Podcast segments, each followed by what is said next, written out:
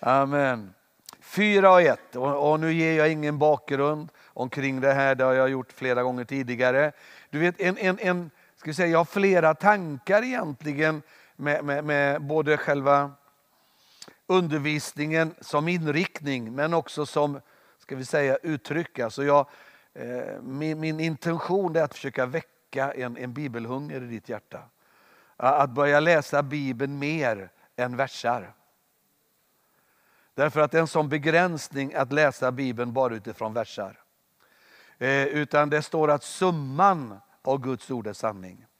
Det, det, Gud vill hjälpa dig och mig med det är att få en, en, en bild, en, en översiktlig bild av Guds ord. Så att vi, vi förstår, så att säga, du vet en händelse i sig står för någonting, alltid. Men i skilda sammanhang står det ändå för olika saker så att säga. Så det innebär att sammanhanget avgör också mycket vilka slutsatser jag drar av det jag ser. Och Det är likadant med Guds ord. Eh, och, och eh, Det är ju inte bara det att, att möta sanningen som är viktig, utan det som också är viktigt är att när vi möter den drar rätt slutsatser av den. Och det är där vi kan begå så många misstag. Eh, det är inte fel på sanningen, men ditt och mitt sätt att ta emot den, förstå den och dra slutsatser av den. Vi alla har ett filter. Och Det filtret är präglat av många skilda saker. Och Det är genom det filtret du möter sanningen. Och därför att du hör sanningen och möter sanningen drar du inte alltid rätt slutsatser. Utan det är också utifrån det filter du har, det du lever med, det du representerar, som för fram de olika slutsatserna. Och, och, eh, Det är därför jag vill försöka sätta ett brev som Efesierbrevet i ett större sammanhang. För då får du helt andra bilder, helt andra utgångspunkter av det som står där. För du lär känna han som skrev det, du lär känna de som tar emot det, du vet vad som pågår och rör sig runt omkring. Du vet en händelse kan ju verka helt vanvettig och helt omöjlig att förstå.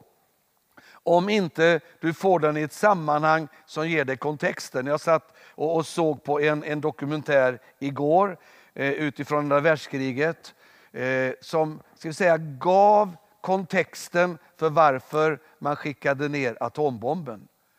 Det är ju egentligen ingen som kan förstå det där i, i, om du bara ser det som en upplevelse. Att man faktiskt skickar ner en, en, en bomb som ödelägger så extremt mycket och många människor. Det är omöjligt att förstå en sån handling. Men om du har en kontext så kan du börja förstå det fanns vissa skäl som låg till grund för varför man tog det beslutet. Nu ska jag inte gå igenom det, men, men eh, det handlade ungefär en timme om att ge det skälet till varför man valde det man gjorde. Och så är det med våra val också. Det finns val som vi kan ta som ingen människa kan förstå om de bara ser valet, beslutet. Men om man får kontexten. Och, och, Därför är det så viktigt när vi lever med Guds ord som jag har sagt att det är inte bara en andaktsbok. Det är inte en bok av bara versar. Det är inte bara versar vi ska rycka oss ut och leva med. Utan du ska möta han som gav oss ordet. Och det gör du genom ordet. Men inte genom versar, utan genom ordet som helhet. Summan. Annars så får du en fragmentalisk bild och när du får en fragmentalisk bild så kommer du till väldigt, kan vi säga, ibland förvanskade och, och lite skruvade slutsatser och bilder av det som är Gud och det han säger att han är i ordet. Så låt oss läsa nu också då 4 och 1. Och det här var bara en bakgrund varför jag gör som jag gör i, i det här sammanhanget. Så att du, du kan få någonting utöver själva förkunnelsen om du ser sammanhanget. Paulus skriver så här. Jag uppmanar er, jag som är fånge för Herrens skull, att leva värdigt er kallelse. Jag uppmanar er att leva värdigt er kallelse. Så vad Paulus säger det är att lev inte bara med kallelsen. Han uppmanar, alltså han uppmanar. Det är inte bara det jag önskar. Utan en uppmaning, det är liksom en uppfordran. Jag, jag begär, Jag, jag, jag har inte bara en allmän önskan utan jag förutsätter, jag begär att ni nu lever värdigt den kallelse ni har gått in i. Den kallelse ni har tagit emot som troende, som församling, med det vad det innebär. Och då säger han, lev, vandra värdigt. Och sen utifrån resten av det fjärde kapitlet, femte och sjätte kapitlet, så ger han olika saker som ger ett innehåll för vad det innebär att vandra värdigt. I de första kapitlen så talar han mycket om själva innehållet i kallelsen. Vad det är du har tagit emot. Vad det är så att säga, inte bara, du vet, ibland gör vi frälsningen allt för individuell. Och det gör vi ju inte minst i vår tid som är en individualistisk tid. Vi tänker bara frälsningen utifrån mig och Jesus. Men så tänker aldrig Gud. Och Det innebär att frälsningen har alltid en dimension utöver mig själv. Och Det betyder att när jag tar emot frälsningen så är det inte bara en tanke med att jag ska må bra, utan det är att jag kliver in i ett nytt sammanhang med mitt liv. För att kunna få nya förutsättningar till att förverkliga Guds plan och tanke med mitt liv. Och då innebär det att helt plötsligt så är det inte bara möjligheter, det finns också en hel del utmaningar i det där. Skulle det bara handla om mig och Jesus, då är det bara jag och han. Men det är inte så. Utan vi sitter i ett rike.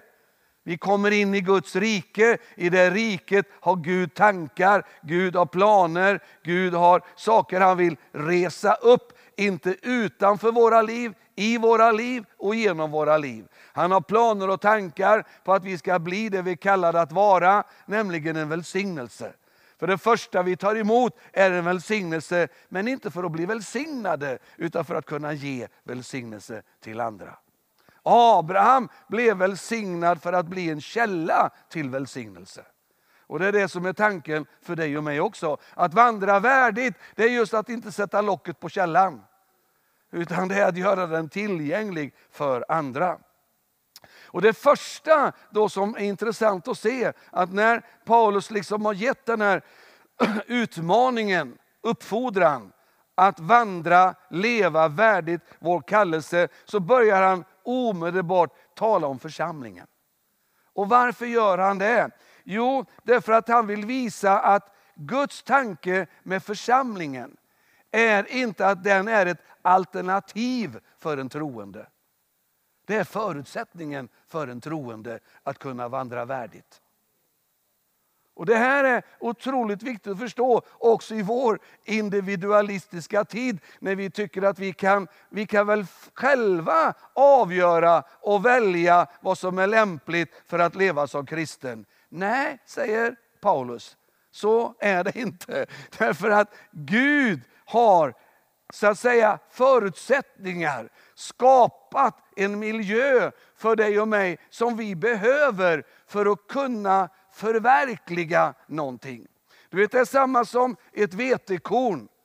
Jag menar vetekornet har alla förutsättningar för att kunna bli i den yttersta förlängningen levande, ska vi säga livgivande bröd. Levande är väl fel att säga då, livgivande bröd. Alltså det, det, vi kan baka någonting till slut som ger dig liv. Förstår du? Men, men det är en jätteprocess emellan korn och brödet. Och om inte den processen kommer in i kornets tillvaro blir det aldrig bröd. Och det är på samma sätt med en troende, säger Paulus. Vi kan aldrig bli det Gud har tänkt.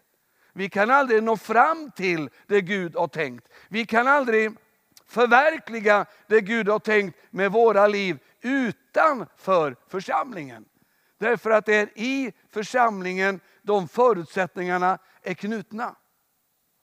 Och därför så säger han att församlingen är inte liksom en sammanslutning bara av människor. Det är en Guds familj. Det är en Guds familj. Och vad är tanken med familjen? Ja, men det är ju platsen där vi ska växa upp. Det är ju platsen där vi ska växa, utvecklas, formas, fostras till en Guds människa. och för att förberedas för det som är vårt uppdrag, vår kallelse på ett personligt plan och tillsammans med andra. Och nu vet vi att det finns mängder av olika varianter som kan ersätta en familj. Men aldrig innehållsmässigt. Aldrig innehållsmässigt. Och det blir väl mer och mer tydligt för allt och alla. Att det som man ibland då har velat dödförklara, familjetanken, Guds familjetanke, den går aldrig att ersätta. Den består av bristfälliga människor. Den består av människor som alltid känner sig komma till korta, men det går aldrig att ersätta den med någonting som kan bli bättre än det som är Guds tanke med familjen. Och Det är likadant med församlingen. Vi kan försöka ersätta det med mängder av olika alternativ, men de kommer aldrig att kunna erbjuda någonting bättre än det som är Guds tanken. Jag menar, det är samma med äktenskapet. Det står ju ändå att Gud har sagt att han gjorde människan till man och kvinna för att de tillsammans skulle bilda familj och få avkomma. Det är Guds tanke. Sen kan vi göra alla andra och tycka att varför är det sämre än det? Jag menar, det, det, det är moralistiska perspektiv, men vi kan tänka mer utifrån vad är det Gud har sagt. Och det Gud har sagt, vad är det vi tror på? Det Gud har sagt. Och varför tror vi på det? Därför att det är där Gud finns och vi tror på honom och vi vill leva med honom. Ja, men då är det likadant med församlingen. Och då finns det så att säga, på samma sätt som det finns en viss ordning för familjen, finns det en viss ordning för församlingen. Och det är när de sakerna upprättas och vi är en del av den upprättelsen och en del av det som sker där, som vi börjar, säger Paulus, vandra värdigt. Det är en del av att vandra värdigt. Det andra som Paulus talar om, och det är där vi ska lägga tyngdpunkten idag, det är det han säger i vers 17, och i vers 22 och i vers 25. Det är att vi ska sluta leva som förut. Alltså det första han talar om utifrån detta att vandra värdigt, det är att han ger oss platsen förutsättningarna som ska hjälpa oss att kunna göra det, det är församlingen. Sen börjar han tala om någonting konkret som har med dig och mig att göra på ett personligt sätt. Och då, då, det första han säger är att nu måste du börja sluta leva som förut. Om du tittar här i vers 17. Därför besvär jag er för Herrens skull. Lev inte längre som hedningarna. Sluta leva som förut. Va? Titta lite längre fram i vers 22. Därför skall ni sluta leva som förut. Och sedan i den 25 versen. Lägg därför bort saker. Så det innebär att en av de absolut första sakerna som Paulus och naturligtvis då Herren vill föra in i vår tillvaro, det är att ska vi börja leva värdigt vår kallelse, då är det att göra bokslut med en mängd olika saker. Det är liksom det första. Och, och det första som vi då ska göra ett bokslut med, det är hur lever vi våra liv? Och då säger han, sluta lev som förut. Och, och om vi bara tittar lite, vers 17. Därför du vet varje gång det står därför så är det viktigt att veta vad som stod innan. För det som står innan ett därför motiverar det som kommer efter. Så det som kommer efter ett därför går aldrig att förstås fullt ut om inte jag ser och vet vad som står innan. Så det här därför sluta leva som förut går direkt tillbaka till 4 och 1, vandra värdigt. Förstår du? Alltså vandra värdigt, därför ska ni sluta leva som förut. Vers 4 och 22. Därför går också så att säga tillbaka till 4 och 1. Och sedan har du ett därför till i vers 25. Och vers 25 går tillbaka då till verserna 23 till 24. För då står det så här, se till att ni förnyas i ande och förstånd. och att ni klär er i den nya människan som har skapats efter Guds bild med den rättfärdighet och den helhet som hör sanningen till. Lägg därför bort. Så vad Paulus lyfter fram det är ett begrepp men beskrivet med lite olika ord. Vi ska sluta leva som förut, därför ska vi lägga av, säger han, den gamla människan. Istället ska vi klä på oss den nya människan. Och hur klär vi på oss den nya människan? Förnyas i ande. Hur klär vi av den gamla människan? Sluta leva som förut. Det är, det är de begreppen han använder. Så ska vi vandra värdigt vår kallelse, då ska vi lägga av någonting gammalt för att klä på oss någonting nytt. Vi ska sluta leva som förut och istället ska vi förnyas i ande. Här har du summan av vad det innebär att vandra värdigt. Och då, då blir ju den här logiska frågan, vad konkret betyder det att sluta leva som förut? Ja, det är inte första hand saker som kommer ifrån vers 25 och framåt som Paulus pekar på. Det som kommer från vers 25, från vers 25 och framöver, det är saker som, ska vi säga, är förlängning. Någonting som är en produkt utav våra liv om vi inte gör det här uppbrottet att sluta leva som förut. Sluta leva som förut går mycket djupare in så att säga i en mycket mer central sak i våra liv. Och jag skulle vilja uttrycka det på följande sätt som på ett sätt skulle vara rubriken för den här förmiddagen. Det är välj rätt källa för ditt liv. Det är det det handlar om. Välj rätt källa för ditt liv. För vad Paulus vill tala om här, det är att var, alltså låt inte längre din naturliga människa vara din källa. För om din naturliga människa, den gamla människan, är din källa kommer du aldrig att kunna vandra värdigt. Utan det som måste ske är att du lägger av det och kopplar in med någonting annat. Det innebär kopplar på med att klä på dig den nya människan förnyas i ande. För om inte du förnyas i ande kommer du aldrig att kunna vandra värdigt. Och det här ville jag peta lite idag för att här ligger det mest centrala i det kristna livet. Eftersom det kristna livet handlar inte om att göra så gott det går. handlar inte om att anstränga sig eller fostra sig i första hand utifrån sin naturliga utgångspunkt.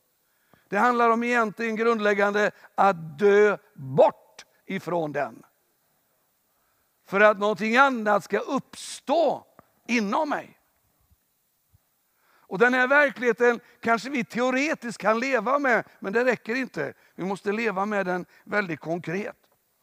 Du vet, din naturliga människa kommer alltid att vara en begränsning, kommer alltid att vilja sätta sina gränser för dig. Ta det här ordet i Ordspråksboken 3 och 5. Då står det, förlita dig icke på ditt förstånd. Förtrösta på Gud av allt ditt hjärta. Den naturliga människan, det är ju din själ och det är ju din kropp. Och om det är din gräns så kommer det att bli din gräns. Men Gud vill inte vara under den gränsen. Utan han vill sätta dig på en ny plats. Och det gör han genom frälsningen. Du vet, en människa enligt första Thessalonikerbrevet 5 och 23 så består en människa utav ande, själ och kropp.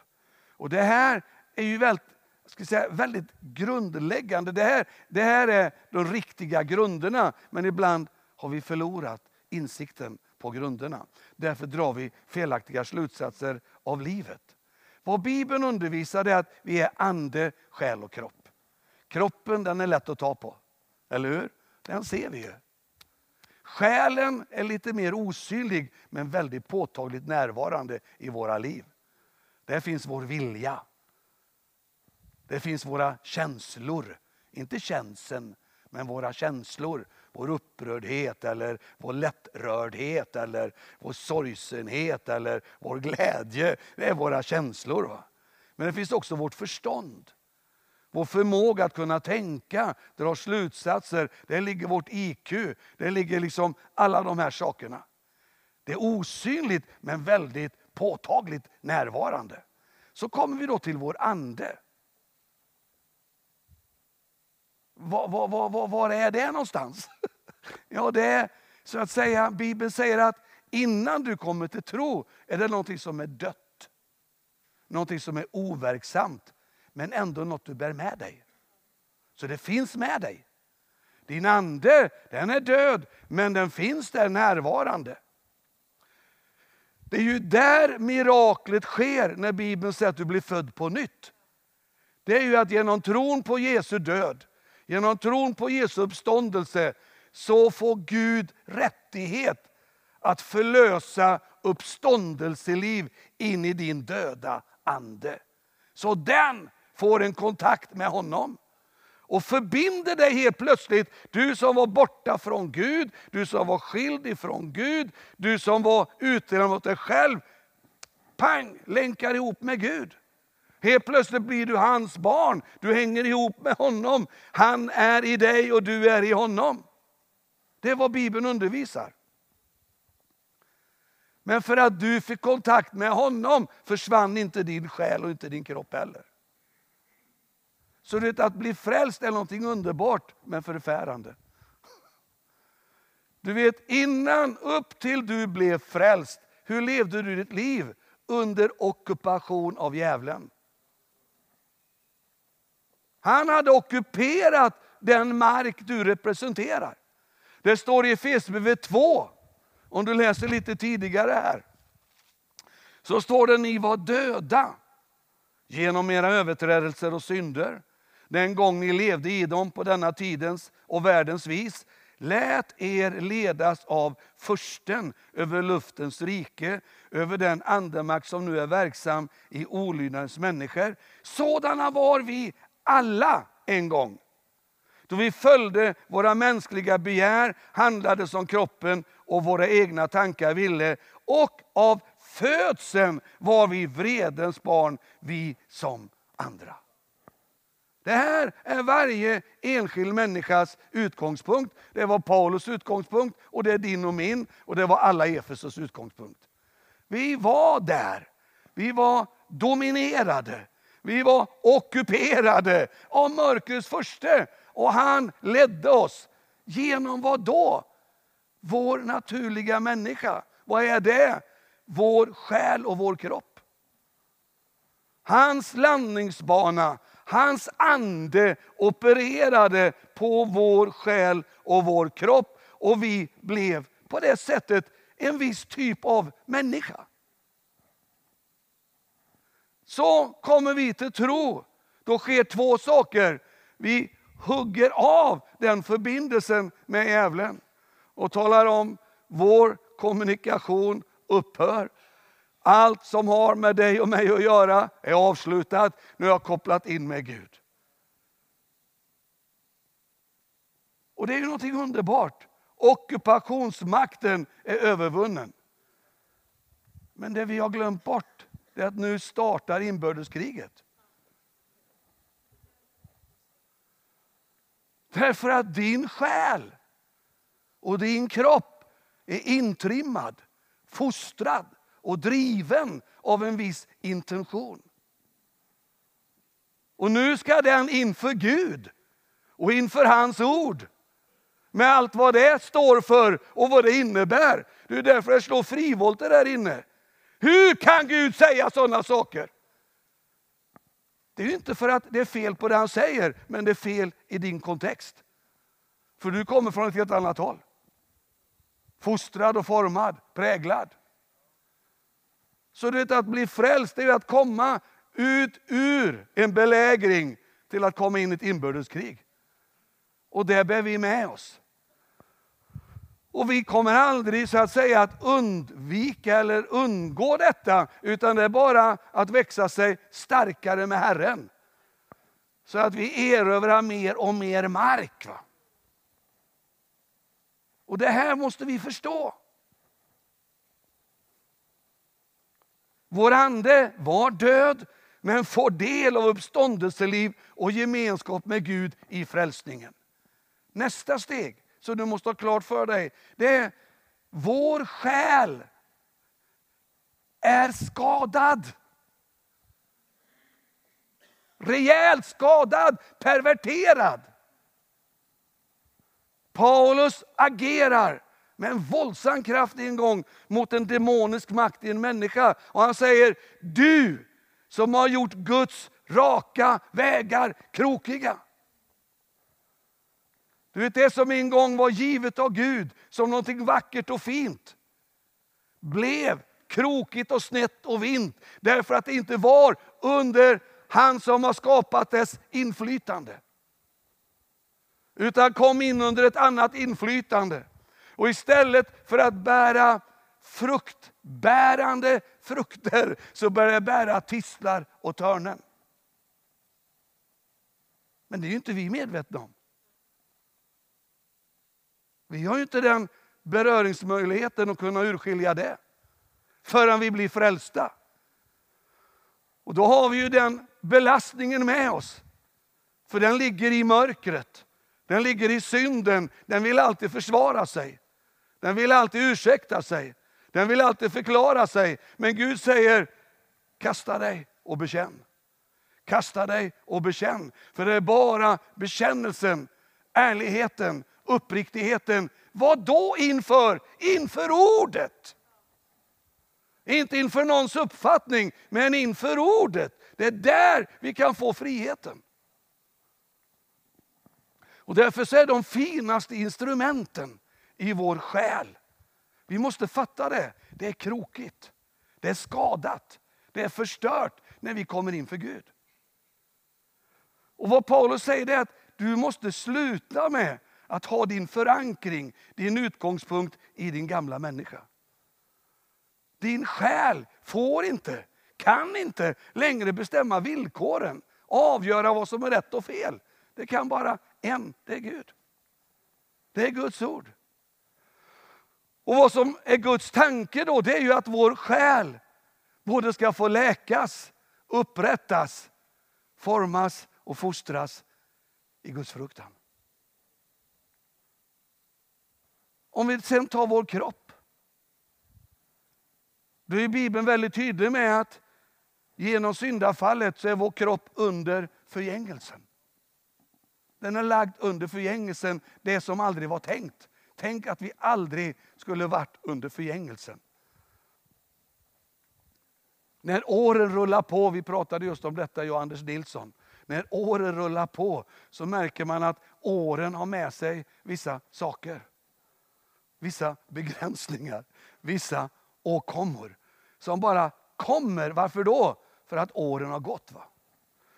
Och varför skulle det liksom vara problem med att åren går? Förgängelsen.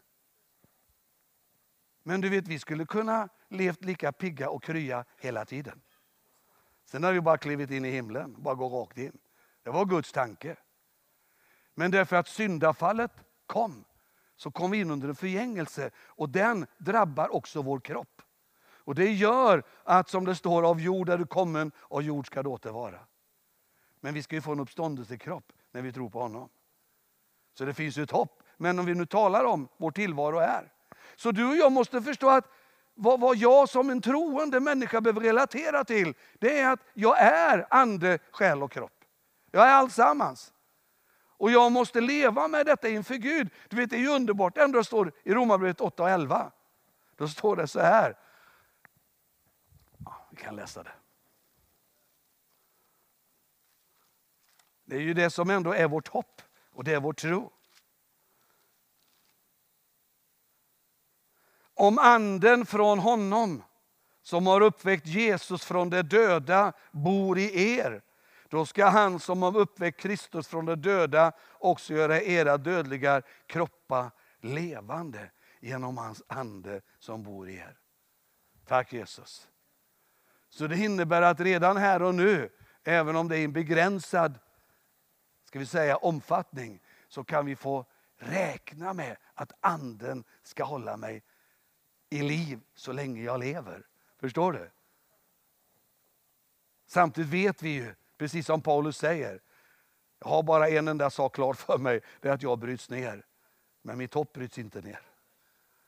Men jag har också det här löftet.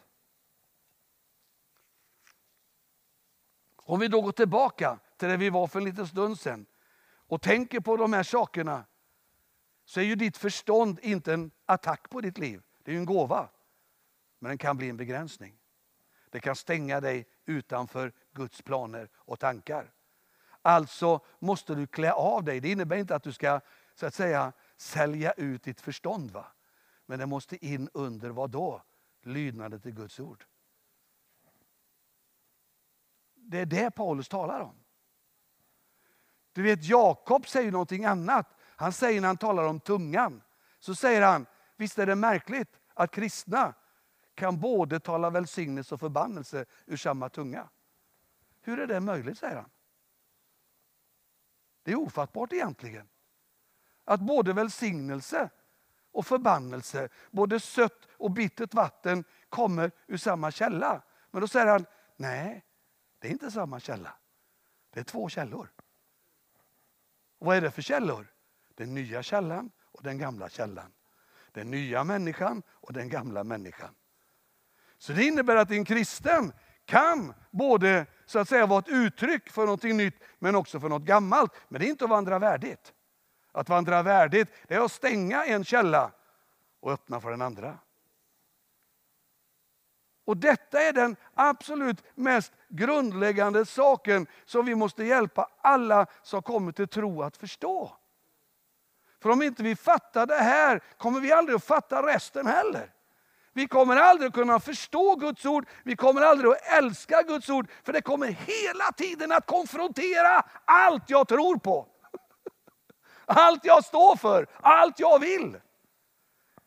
Men du, vet, du måste förstå att allt vad du vill, det är inte säkert att det djupast sett är du som vill det. Det är din själ som vill det. Men frågan är, vem har ockuperat din själ? Talar utifrån gamla skador? Talar utifrån en gammal bruten själ, förstörd själ eller en upprättad själ?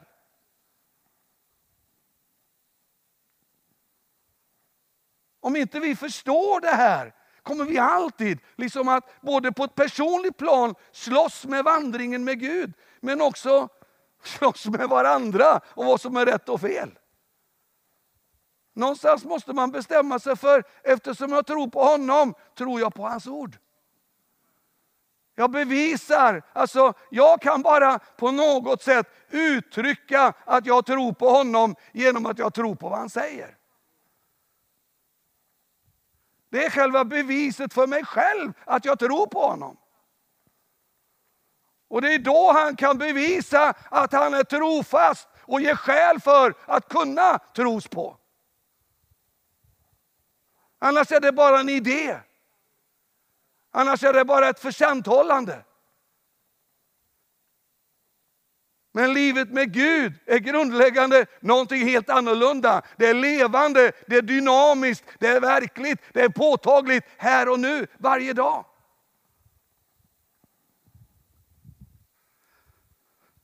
Hur bevisar jag att jag älskar honom? Det finns bara ett sätt, säger Jesus själv. Johannes 15, det är att du håller mina bud. Alltså vår intention, vår vilja att följa honom genom ordet. Inte genom någon vers, genom ordet. Summan. Det ger ett konkret uttryck för att jag älskar honom. Och vad är de konkreta effekterna av att jag älskar honom? Det är att jag lägger locket på för en gammal människa, klär av mig den, vill ikläda mig det nya. För det enda som kan frälsa mig helt igenom. Jag menar, jag kan ha barnaskapet och vara ofrälst i min själ. Det är detta Paulus pratar om i Filipperbrevet 2. Då han säger att vi måste arbeta på vår frälsning. Så att vi i vilja och gärning förverkligar hans syften. Och vilja och gärning, det är ju själ och kropp. Men det är inte säkert själ och kropp är i akkord med hans ord. För vi tycker det stämmer inte, det funkar inte, han kan bara inte mena det. Och Det är därför du har lärjungarnas dilemma hela tiden. När Jesus förklarar vissa saker, vad som måste till för vissa saker. Och En av de sakerna som måste till ibland, det är att någonting måste dö för att få liv. Och att dö, i första hand inte ta livet av sig, släppa taget om en uppfattning, det är att dö. Att släppa taget om en ståndpunkt, det är att dö. Att acceptera, jag tror mer på Guds ord än min egen ståndpunkt, det är att dö. Även om den är levererad genom en jobbig människa. För då kan vi ursäkta oss för att det var själva brevbäraren. Va? Jag kan inte tro på det du säger för att du är du. Va?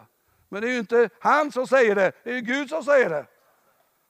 Och att han ibland använder en sån där jobbig brevbärare, det är bara för att visa hur mycket du tror på vad han säger. För om du kan ursäkta dig med brevbäraren, då tror du inte mycket på vad han säger. För det måste vara levererat på ett sätt som passar dig. Men du vet, Gud är expert på sådana saker för att testa det. Det var därför som Naman fick möta Gehazi.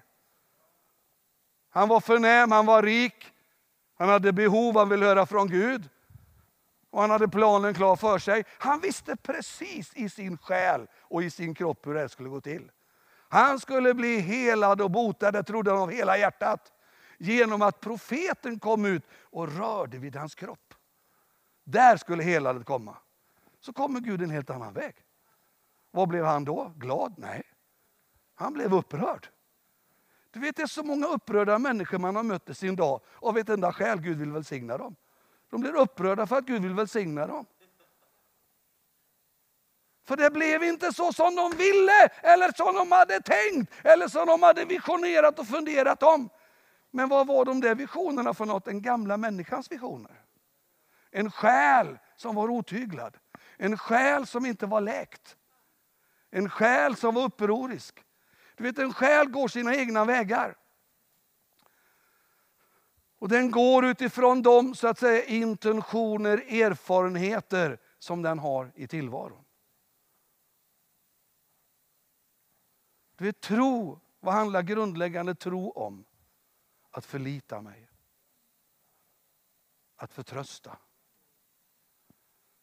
Och trons, alltså behovet av tron, det, det, det är aldrig större än när själen vill gå sin egen väg.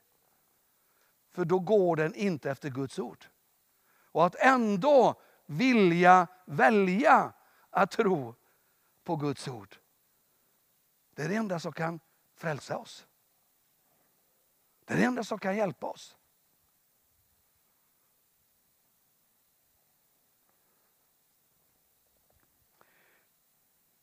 Du vet Paulus, han talar ju om detta.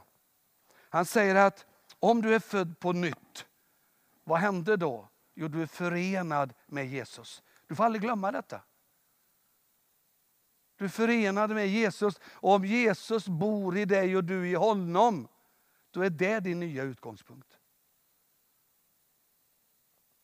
Men det är ju inte säkert att själen säger amen till det. Men ordet säger det. Och sen är det bara en fråga, hur länge ska du ha ett inbördeskrig på det? Hur länge ska du hålla fast där? Du vet, ibland så tänker man att det finns ju inget som är så uthålligt som själens egna vandringar, som köttet. Tänk om den uthålligheten och envetenheten kunde koppla ihop med Gud istället. Wow! wow! kära någon alltså. du vet, alltså det, det, alltså du vet, men det, det, det finns skäl, jag ska visa på dem sen. Alltså det är ju det här att du har säkert mött det i ditt eget liv eller mött det i någon annans liv. Att det är som någon ska framåt. För han vet att han ska framåt. Så kommer han till en stenvägg. Va? Och man kommer inte framåt. Men jag ska framåt.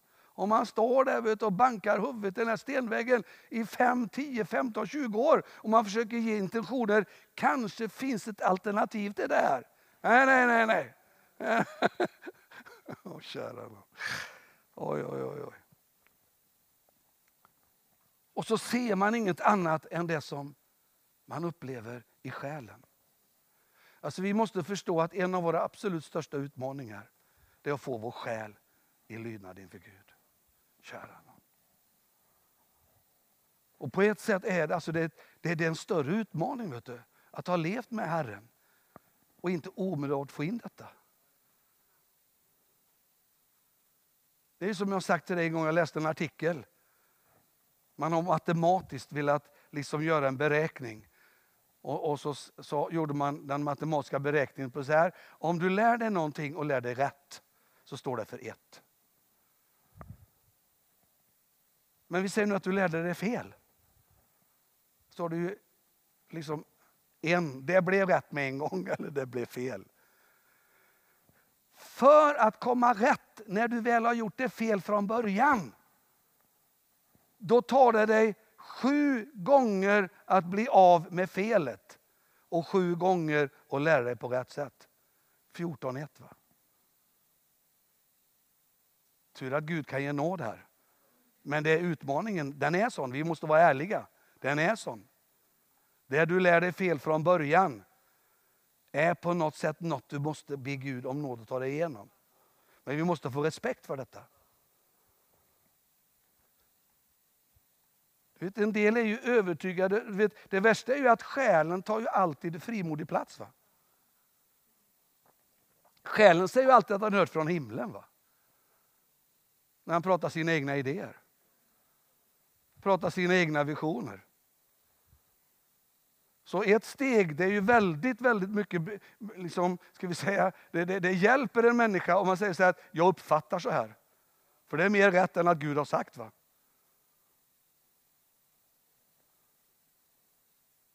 Därför att Gud talar i första hand inte in i din själ.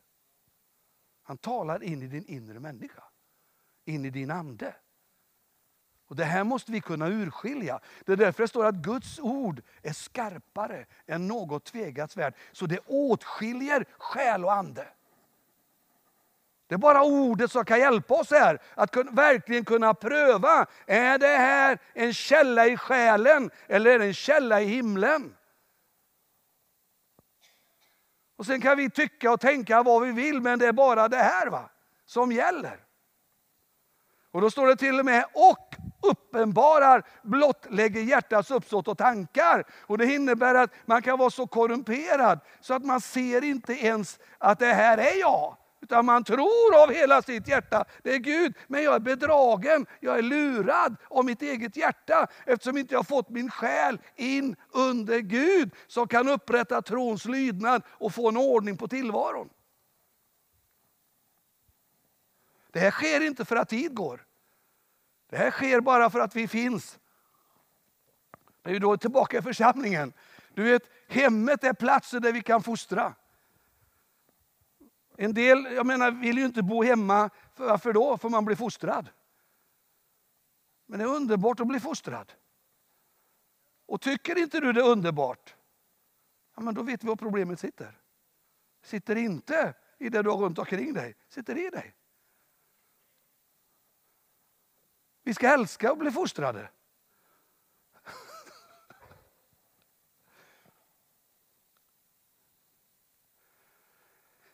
Visst är det intressant att när Paulus sätter ett namn för det gamla sättet att leva. När Paulus sätter ett namn på den gamla människan, vad sätter han då? Själviskhet. Han sätter själviskhet. Han säger där i vers 4 och 19 allt igenom orent och själviskt liv.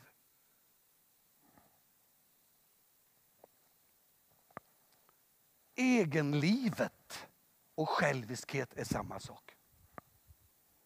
Älskar att klä sig med religiösa förtecken.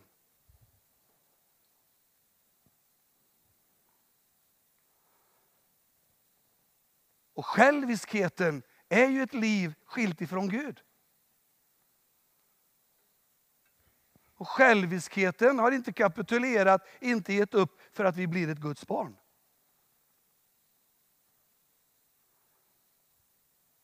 Och det är ju det här Paulus ger uttryck för i sina brev också. Han talar om starka förkunnare som har lidit skeppsbrott i tron på grund av vad då? Själviskhet. Man hade aldrig sitt uppgör med det där. Och det värsta är liksom att de där brotten vi ibland ser även bland Herrens tjänare som sker i en vuxen, kanske långvarig och mångårig tjänst beror inte på något som hände där och då. Det berodde på något som aldrig hade hänt däremellan. Därför att det vi inte tar itu med kommer att ta itu med oss.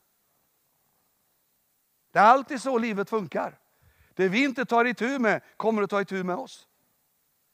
Och Vi måste ha en respekt för vad som pågår och rullar på och vad som finns och som tillåts finnas i vår själ. Därför att den är en, platt, en plattform och en plats genom vilket så att säga fienden vill manipulera och lura. Bedra oss. Visst är det märkligt att det är precis, ja det är inte märkligt, men visst är det tydligt att han liksom säger detta. För att i 4.27 så säger Paulus, ge ingen plats för fienden. Vad ger vi platsen för fienden? Utifrån ett själviskt liv. Och utifrån en icke upprättad, helad, fostrad själ. Det är den perfekta miljön. Du vet om du tittar härifrån vers 4, 17 och 18. Vad, vad, vad, säger, vad använder Paulus för ord där? Han säger att en, en, en människa som så att säga lever med den gamla människan som inte har slutat leva som förut och där alla lever utan Gud. Då säger han, deras tankar är tomhet. Deras förstånd förmörkat.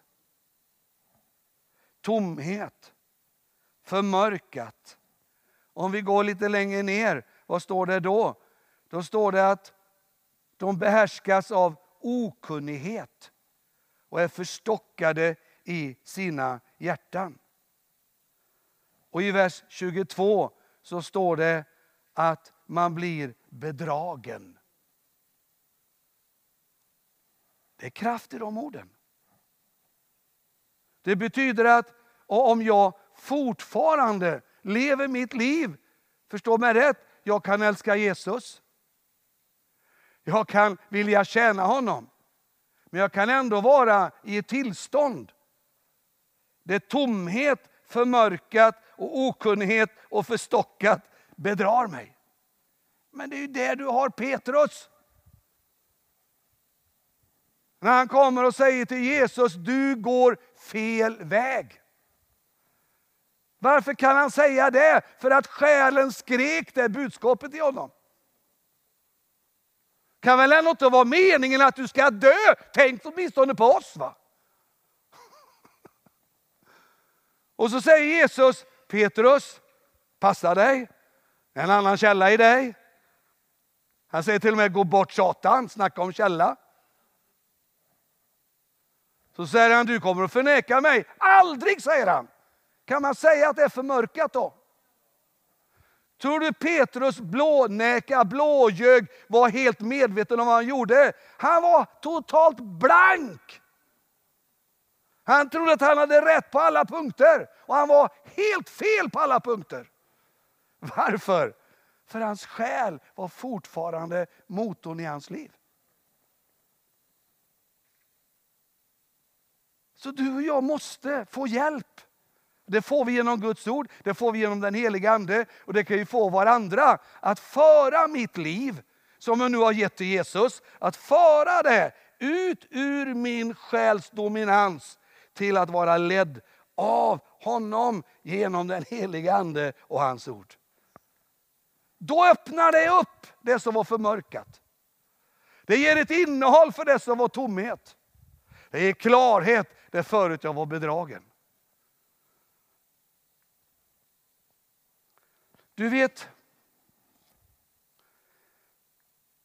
jag ska ta lite på detta bara. Vi ska ju klä på oss också. Vi ska förnyas i ande. Det är två uttryck jag vill ge dig. Lär dig hur man växer i sin inre människa. Det är en sån där nyckel. Va? Alltså det första jag har talat mycket om det är, lär dig att avslöja en gammal källa i ditt liv. Lär dig avslöja din egen själs vandringar. Lär dig på något sätt att verkligen kasta ljus över det som finns mörker över. Och det kan finnas fast man älskar Jesus. Fast man vill följa Jesus. Fast man vill tjäna Jesus. Varför? Därför att det här är en process. Vi bara alltså det är inte så att Gud tänker så här att så lätt ska det inte de få. Så lätt ska det kan inte bara bli och, och, och bara helt plötsligt bli frälst. Nej, nej, nej, jag ska göra det lite svårt för dem. Varför då? Jag gillar dem egentligen inte. Du har redan hört här, han gör inget annat än älskar dig. Men du vet, han räddar dig inte bara ut ur, utan i svåra utgångslägen.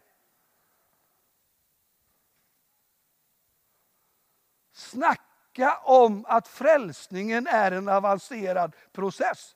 Att möta Jesus och bli frälst, tjong det, jag menar om det var kampen, då har vi ingen kamp.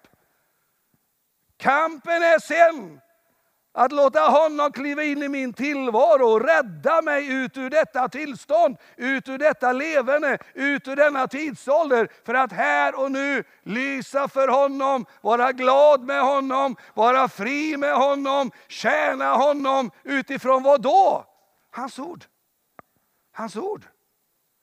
Det är hans ord som gäller för mig, inget annat. Inte hur jag känner det, inte hur jag mår. Vad säger hans ord?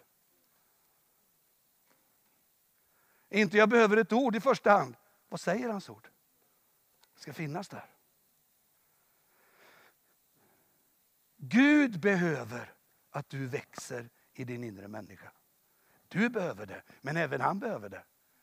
För att om inte du växer så förminskas hans utrymme att kunna hjälpa dig. Han kan allt. Han förmår allt. Men är också han insatt i ett visst sammanhang där han inte kan göra allt för att inte bryta sin egen trovärdighet. På ett sätt så har han frälst alla människor i alla tider, i alla generationer, för det var vad han kunde. Men så enkelt var det inte. Det måste också vara så att du tar emot det och att du väljer det. Och då finns det en kamp om varje människa. Sen när du har blivit hans barn finns det en kamp om att du ska bli en gudsmänniska. För att vandra värdigt din kallelse. Och han behöver att du så att säga då växer i din inre människa. För det ger honom bara mer och mer rätt utrymme att verka i dig och för dig. Och då, hur gör man då? Alltså, hur, hur växer jag i min inre människa? Lukas 2.52 en sån där uppmuntran. Det står om Jesus att han växte till i ålder, vishet och nåd. I kropp, själ och ande. Han växte till. Han växte på alla områden. Han växte i ålder, kroppen, i vishet, själen och i nåd och i anden. Hur gjorde han det då? Han levde i lydnad. För det står i versen före han följde med och lydde sina föräldrar i allting. Han visste vad det stod i Guds ord. Han visste vad det stod i Moseböckerna. Du ska respektera, du ska älska dina föräldrar. För att det ska gå dig väl och du må länge leva i landet. Det finns bara en grundläggande sak som kan få din inre människa att växa. För den växer bara utifrån detta att du lyder Guds ord. Det är lydnaden till Guds ord. Det är inte vad du säger, det är inte vad du sjunger, det är inte vad du ber, det är inte vad du gör. Det är din lydnad till hans ord. Och Det är inte bara något enstaka ord som verkligen passar in i bilden. Det är hans ord. Detta är vad som gäller för mig.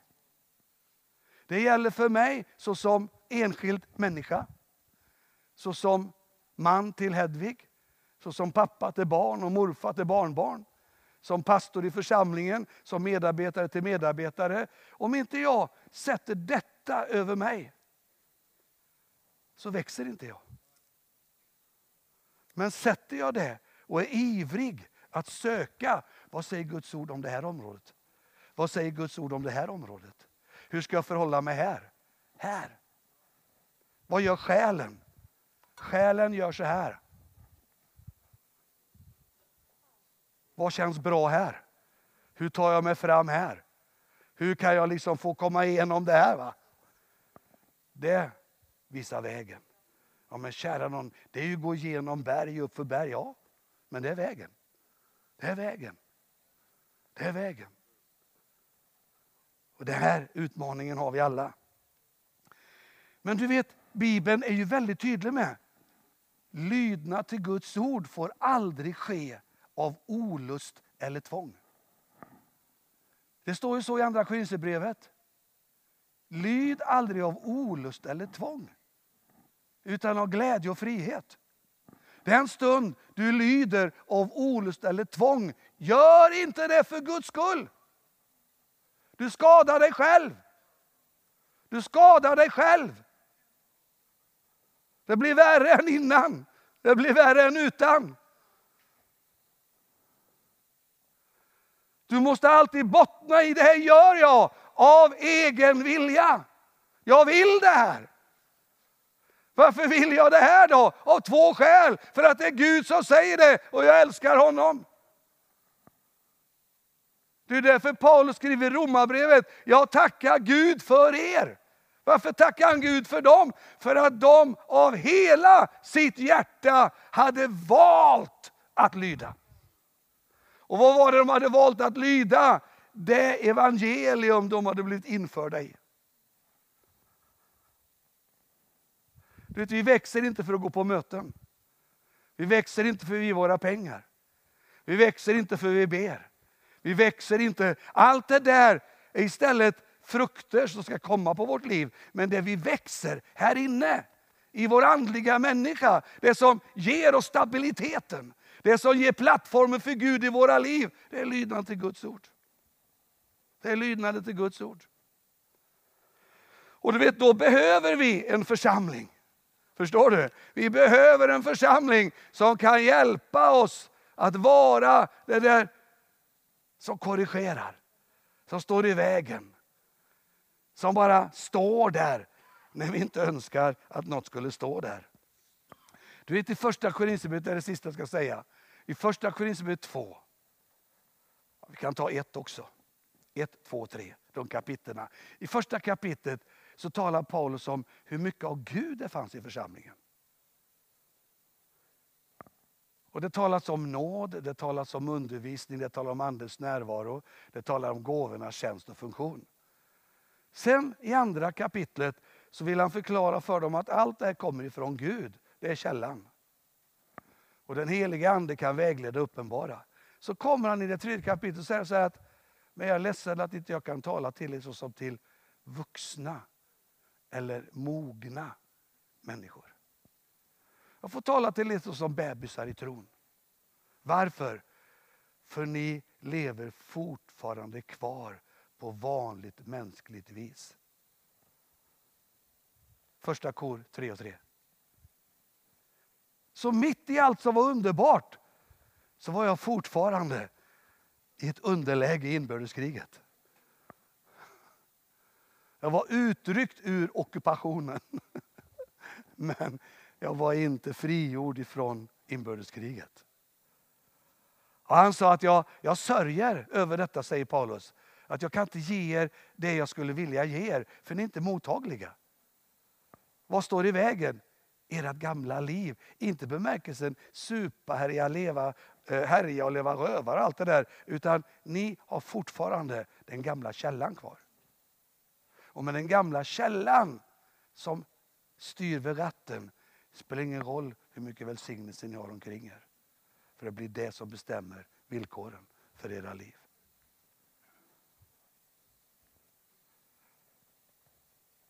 Och Det är därför som Paulus säger att, att vandra värdigt, det är att se det här och välja det här. Tack Jesus. Att välja, nej. Nej.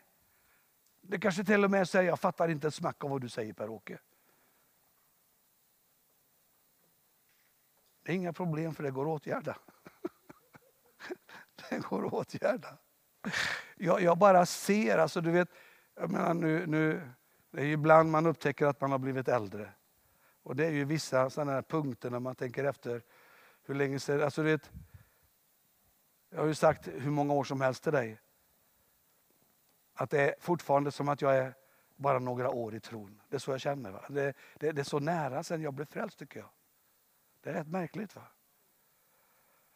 Så ser man tv-filmer från den tid man var frälst. Tänker man ju, finns det någon levande människa idag som fanns med på den tiden? Gamla svartvita filmer med bilar som inte ser ut som bilar. Va? Och folk ser inte ut som folk idag. Va? Alltså det, det, det, det. Då inser jag, jag har varit med länge. Då förstår jag, men kära någon. Och så tänker man efter hur länge har jag varit frälst nu då? Ja men i år är det ju faktiskt 47 år. Ja, det, det, är ju några år då va? Det är ju några år va? Och det man då ser under alla de här 47 åren. För att jag, jag, jag kan villigt erkänna att de första tio åren hade jag inte pejling på det här. Jag, hade, jag kunde läsa om det, men förstod det inte. Jag förstod det inte. Jag gjorde inte det. Jag hittade inte samverkan och samspelet med ande, själ och kropp. Jag läste om det, jag läste böcker och blev ännu mer snurrig än innan. Och sen började en vandring. En vandring. Och faktiskt var det, som det ofta är, i en kris som blev min stora livskris. Mitt i det jag trodde var totalt förstört, ödelagt av allting. Där började en ensam vandring med Herren. Som pågick kanske fem år, fyra, fem år. Då jag riktigt började se sådär självklart. Och man funderar, hur, hur kunde jag missa det här? Ja, men det har jag förklarat idag. Därför att mina tankar var tomhet. Förstår du? Mitt hjärta älskade Jesus så långt jag begrep. Min inre människa älskade Gud. Men själen hade inte hittat sin rätta utgångspunkt. Den bekrigar mig minst lika mycket som den betjänar mig. Det såg jag inte där och då. För då trodde man ju man hade Gud med sig när man förstörde sig själv som mest. Och du vet, fast man nu har varit 47 år i tron så är det fortfarande så att den största matchen för mig, den är lika påtaglig fortfarande. Det är när det riktigt nyper åt. Riktigt nyper åt. Och du står i saker så kan fortfarande själen tala om vad som vore rätt och riktigt och bra att göra. Och hade man inte det starka ekot i anden som börjar signalera, lyssna inte där. Ja men då blir det ju inte en ordning på någonting va. Då fattar ju inte alla andra. Ja, men lämna det till mig, säger jag. Säger Herren alltså. Förstår du? Och då kommer matchen. Vad, vad, ska jag lita på här? Då får jag bara tacka Gud att jag under så många år har fått bygga in någonting. Som finns en plattform som man vågar anförtro sig till. Och så går man igenom den där processen och den är lika obekväm. Du vet, nu kan det ju vara lite variationer här, men grundläggande tror jag så är att det, det, är inte, jag menar har jag fött ett barn så är det jobbigt barn nummer två med och barn nummer tre är jobbigt med. Det, det, det kan hända att det finns något, men om man bara tänker på vår erfarenhet så var ju inte barn nummer två och tre enklare än ett. Jag tror inte på ett stuprör då allting bara löser sig efter tio eller sånt där. Utan det, det är en match. Och så är det i anden också. Det är en match varje gång, fast jag har gjort det många gånger. Och det är precis som att jag, jag känner att jag dör. Jag, jag känner som att jag reder inte ut det här. Jag klarar inte det här. Det är då man behöver det där vittnesbörd på insidan. Det här kommer att gå bra om du bara håller fast vid rätt sak. Det här kommer att gå bra om du bara är lyhörd. Låt inte nu ditt agerande vara ett resultat av reaktioner på det du möter, på det du ser, på det du upplever. Låt det vara ett uttryck för det jag säger i din ande, säger Herren. Och Då kan det kosta livet där och då. Men om du bara orkar hålla fast där då. Så det är inte bara det att du reder ut den saken, för du går ut ur den saken med en frukt med dig. Som betjänar dig för resten av framtiden. Det är så mycket som djävulen har kunnat abortera i vissa andliga kritiska lägen. För att vi har blivit så att säga ledda, påverkade, formade utav en själ som inte är upprättad, helad eller inne under trons lydnad. Tack Jesus. Fader,